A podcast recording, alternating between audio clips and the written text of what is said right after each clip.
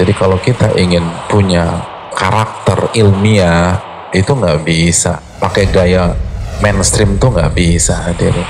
Ya olahraga orang mulai latihan jam 7 antum harus mulai latihan jam 5 begitu.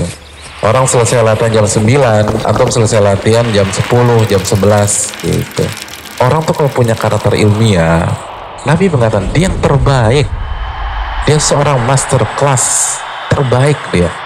Orang-orang yang seperti itu itu nggak mungkin pola hidupnya seperti pola hidup mayoritas orang tuh nggak mungkin. Dan cita-citanya tuh tinggi upayanya tinggi. Itu harus demikian